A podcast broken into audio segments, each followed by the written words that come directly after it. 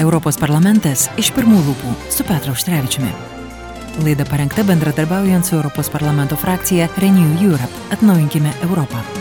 Studijoje prie mikrofono Liudas Ramanauskas, šiandien mūsų pašnekovas, europarlamentaras Petras Auštrevičius. Labadiena, gerbiamas Petrai. Dieną visiems. Ir pabandykime pakalbėti apie tai, kas dabar Europoje ir pasaulyje. Be jokios abejonės, tų naujienų yra daug. Tai ir mūsų kaimynų Suomijų ir Švedų noras įsilieti į NATO. Apie tai aš tikiuosi mes irgi turėsime galimybę su jumis pakalbėti. Bet Ukrainos prezidentas Vladimiras Zelenskis vakar kalbėdamas Davoso forumo dalyviams sako, jog vakarai tebėra susiskaldę dėl paramos Kievui masto, galbūt dėl masto masto. Kaip jums atrodo dabartinė situacija, 91 karo diena? Na, atrodytų, kad karas nusintė labai aiškiai žinia visiems, kas yra agresorius, kas yra užpultoji valstybė ir kaip reikia padėti. Žinot, vakaruose yra daug pamokslautojų, politikų, kurie moko, kurie aiškina apie e, vertybės, apie demokratiją ir panašiai. Šiuo atveju mes turime klasikinį atvejį, kada E, mažesnė demokratija e, ginasi prieš agresiją, valstybė, kuri užpulta ir panašiai. Ką čia reikėtų aiškinti, ką čia reikėtų dėlioti. Reikia greitų sprendimų, kad padėti šitai valstybė atsilaikyti prieš, prieš užpuolimą. Čia tas pats kaip gatvėje. Ar E, kuomet huliganas užpultų, tarkime, e, praeivį, tai ką mes stovėtumėm ir sakytumėm, tai gal mes taip čia, gal nestumkime, gal e, neatskirkime, gal pagalvokime, gal jį išsiaiškins tuo tarpu, kai užpuolikas tyčiojasi ir, ir, reiškia, maitoja savo auką. Tai reikia pripažinti, kad tų tokio daugia žodžiavimo ir lietumo tebėra. E, žinoma, Vengrija yra atskiras atvejis, e, aš manau, Taip. E, visam pasauliu ir ypatingai Europos Sąjungai nereikės nieko aiškinti, kas tas galų gale yra Orbanas ir kiek jis yra vertas mūsų paramos. Bet aš labai tikiuosi, žinot, liūdai, gyvenime būna taip, kai tu nepadėgi ir kai tau prireikia paskui pagalbos, o tas, tos situacijos labai greit kinta.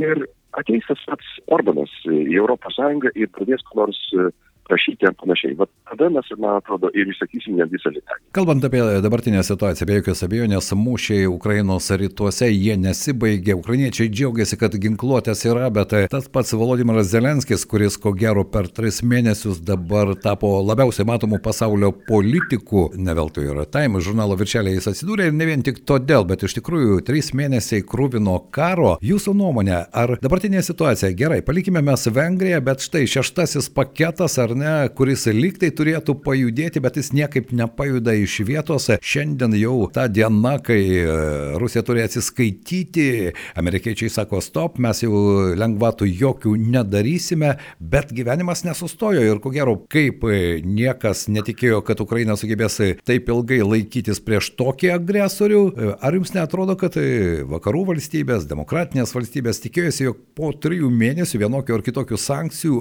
Rusija kažkokiu būdu būdu į tai reaguos, bet reakcijos jokios nėra. Kaip buvo, taip ir yra. Kai bombarduojami gyvenamieji kvartalai, žūsta žmonės, taip ir toliau tęsiasi. Nu, matot, reikia pripažinti, kad agresorius turi labai aišku planą. Ir tas planas yra daug žiauresnis, negu mes įsivaizduojame. Arba bandom savo save kartais nuraminti, kad e, štai jiems reikia vienos ar kitos teritorijos. Tai čia garsusis Kissingeris, e, aš sakyčiau, išdavikiškai ir visiškai pasidavė pasisakė. Tarp kitko, žmonėms pasakysiu aiškiai, dėl Kissingerio nėra jokių abejonių.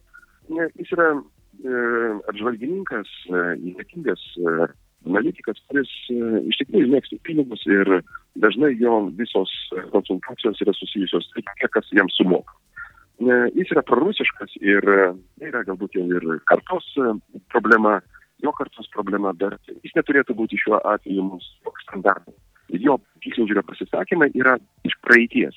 Jis nieko negali pasakyti apie ateitį. Tai šitoj srity e, turėkime šitą omeny.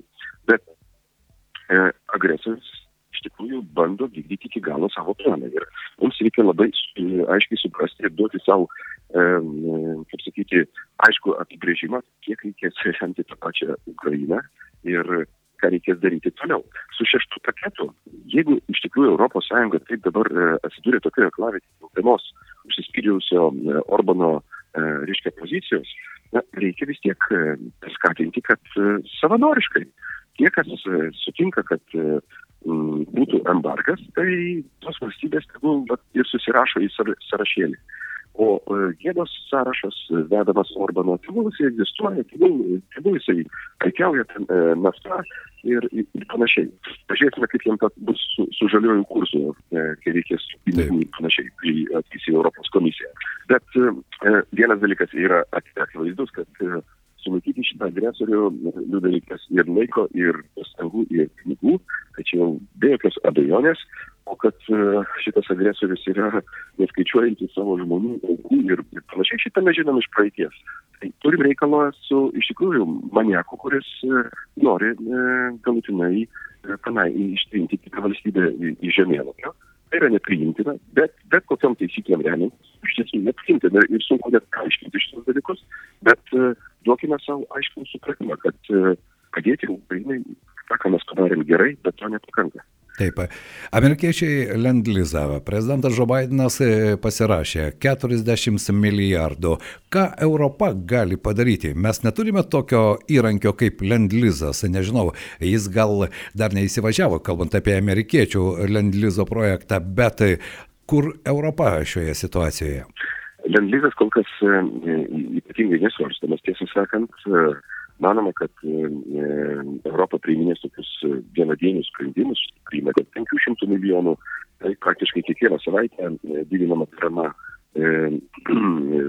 Ukrainai.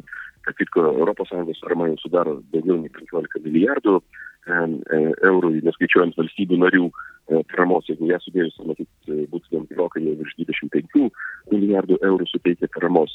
Bet e, kažką panašaus, ką daro amerikiečiai, iš tikrųjų politinėse e, e, koluaruose arba tarp narių, Europos parlamento narių, mes kalbamės. Man teko matyti netgi tokį projektą jau primestą atitinkamo sprendimo. Aš manau, kad jie, bet pripažįstant tą realybę, kuri yra šiuolaikiniam pasaulyje, tok, tokios priemonės mums gali prireikti. Nes kas gali žinoti, ar Ukraina yra paskutinė valstybė, susidūrusi su tokia, e, sakyčiau, istorinė nelaimė. Tai e, mums reikia aiškiai labai suprasti, kad mums reikia atitinkamų instrumentų, kad apsiginti nuo tokio niekšingo agresoriaus veiksmų ir čia, kaip sakant, ne teisės aktai turėtų mūsų skatinti, bet e, mus turėtų į, į priekį skatinti eiti atitinkamas sakyčiau, protingas e, supratimas apie susidariusią situaciją. Taip, apie realią situaciją. Ir e, kalbant apie realybės suvokimą, na, pažvelkime, Gerhardas Šrioderis, na, tik šiandien oficialiai jis pareiškė, kad jis jau išeina iš Gazpromo. Tam prireikė 91 dienos. Ir Europos parlamentas e, prieėmė rezoliuciją, tiesa, neįpareigojančią, atėmė ten iš jo vokiečių parlamentas tam tikrą dalį lėšų ir biuro, bet Jūsų nuomonė, kiek vis dėlto mes turime dar ir toje vakarų demokratinėje sistemoje žmonių, kurie, na, realpolitik principais gyvena ir dabar, kai karas trunka jau ketvirtą mėnesį prasidėjo? Šrioderis pasitraukė, bet šrioderizmas kaip fenomenas, kaip reiškinys, kur vat, būtent toksai politinis, reiškia, naudos ieškojimas, ne, ne, nežiūrint į aplinkybės, kuomet bandoma dalyvauti tokiuose situacijose, nežiūrint, kieno pusėje tu stovi tokių istorinių akimirkų atveju, pasilieka. Jis, jis yra labai gilus. Ir atvirai tariant, jeigu padaryti apklausas, tai pačiai Vokietijoje dėl Šrioderio veiksmų, nu kažkodėl tai aš manau, kad mes labai nustebtumėm gavę rezultatus.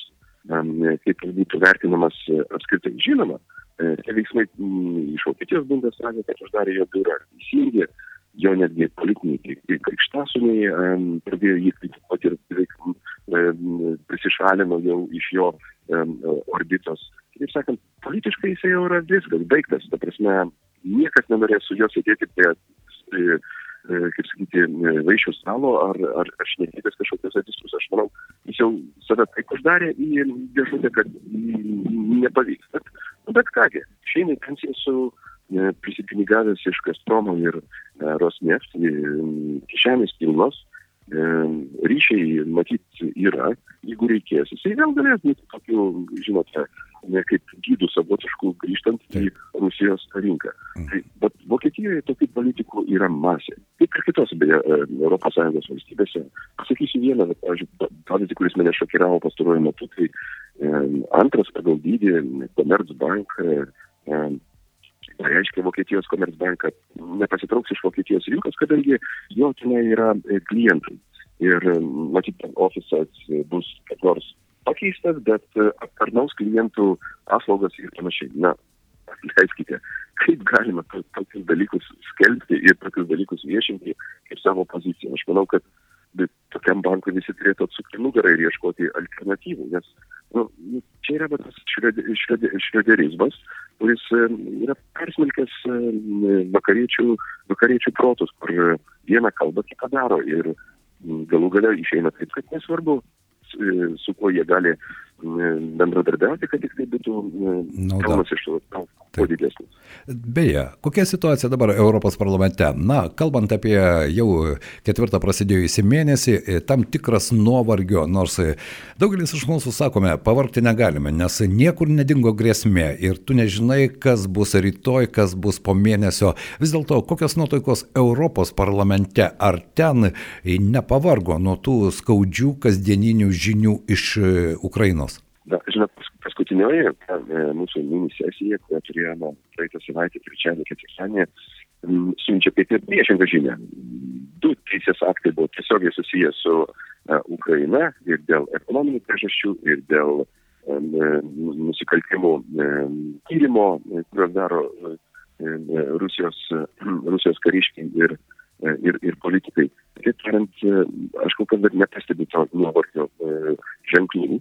Jis gali ateiti, žinoma, e, nes šis karas e, nebus trumpas, jokios abejonės.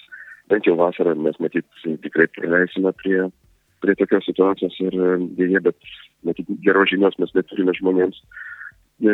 Matot, matyt vis dėlto ir mastas tų žiaurumų. Niekas vis dėlto nesitikėjo, kad um, tas Putinas, kuris mėtydavosi tokiais aštriais žodeliais, pamenate, prieš kaip jisai apibūdindavo ten čečienus arba kažkas. Taip. Tai būdavo daugiau žodžių. Bet dabar, kai pamatė jo veiksmus, nu, vis dėlto e, tam tikras apstulbimas, sakyčiau, ir na, nesitikėjimas, kad gali taip elgtis kita valstybė prieš, prieš kaiminę, yra, sakyčiau, didelis e, šokas. Ir to šoko, matyt, pasiekmė yra, kad e, dėmesys Ukrainai ne, ne, neslopsta ir labai gerai, bet žinokime, kad to dėmesio reikės dar labai ilgai. Tas dėmesys turi turėti ir finansinės paramos, ir tokios politinės paramos um, išraišką. Todėl, na, ne vien tik tai nuovargis, kaip sakyti, nuovargį mes skaičiuosime mūsų pergalės. Be jokios abejonės, reikia ir tankų, reikia ir pabūklų, reikia ir uh, sistemų.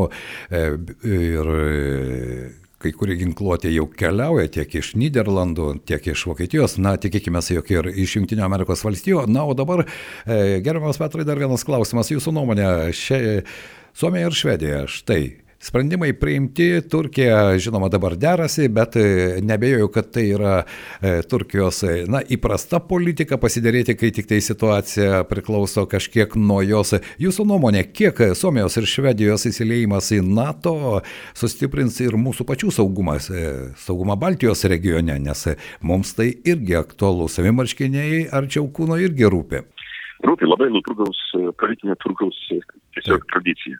Jie mėgsta pasidarėti, kaip ir e, turkiškam turgui visą laiką dėrėtis, nes pirmoji kaina yra tikrai netitinka nei realybės, nei, nei to, kad tu galų galę sumokė. Bet, e, matot, Baltijos jūros regionas stipriai keičiasi, jis keičiasi, mano manimu, labai gerą pusę. E, vis dėlto priimti sprendimai rodo, kad valstybės labai realiai vertina situaciją na, jos atsibūdo iš to letargo ir panašiai.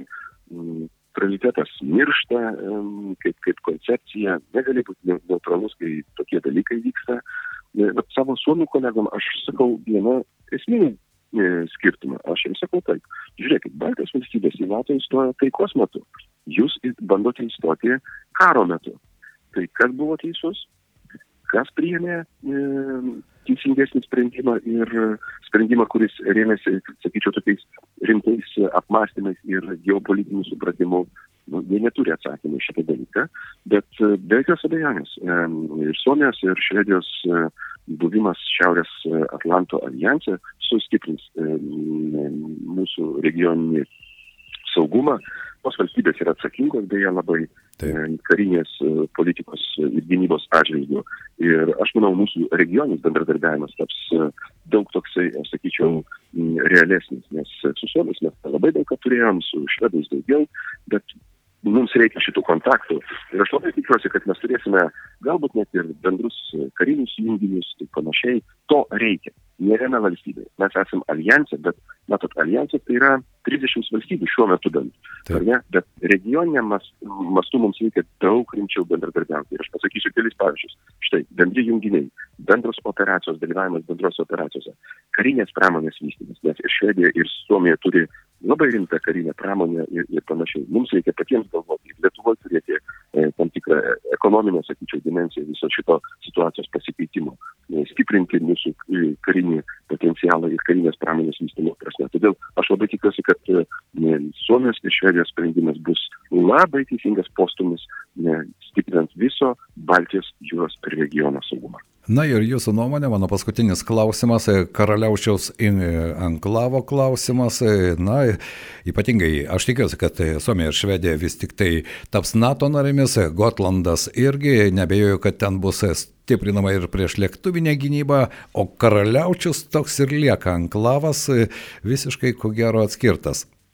Deja, reikia pripažinti, kad unikali situacija su karaliaučiam patys jie užsidarė ir tiesą sakant, vadino jie tai paskandinamų lėktuvnešių ar, ar panašiai, bet e, naudos iš to labai nedaug. Aš manau, kad ekonomiškai karaliaučias Rusijos federacijai kainuoja didžiulius pinigus, ar ne? Mesgi atsiskyrėme ir elektros prasme ir panašiai, e, nutrūko bet koksai bendradarbiavimas, aš kalbu grinai tokį žmogišką ir ekonominį grįžimo nenusimato jokio.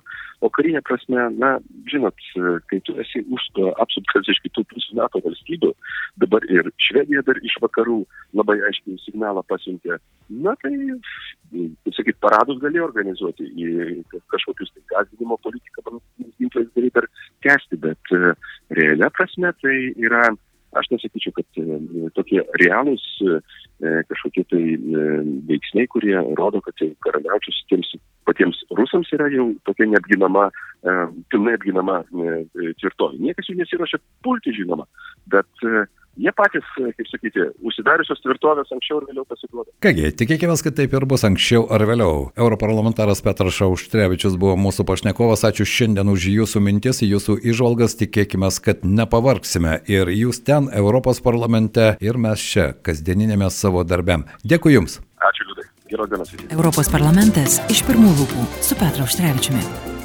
Laida parengta bendradarbiaujant su Europos parlamento frakcija Renew Europe. Atnaujinkime Europą.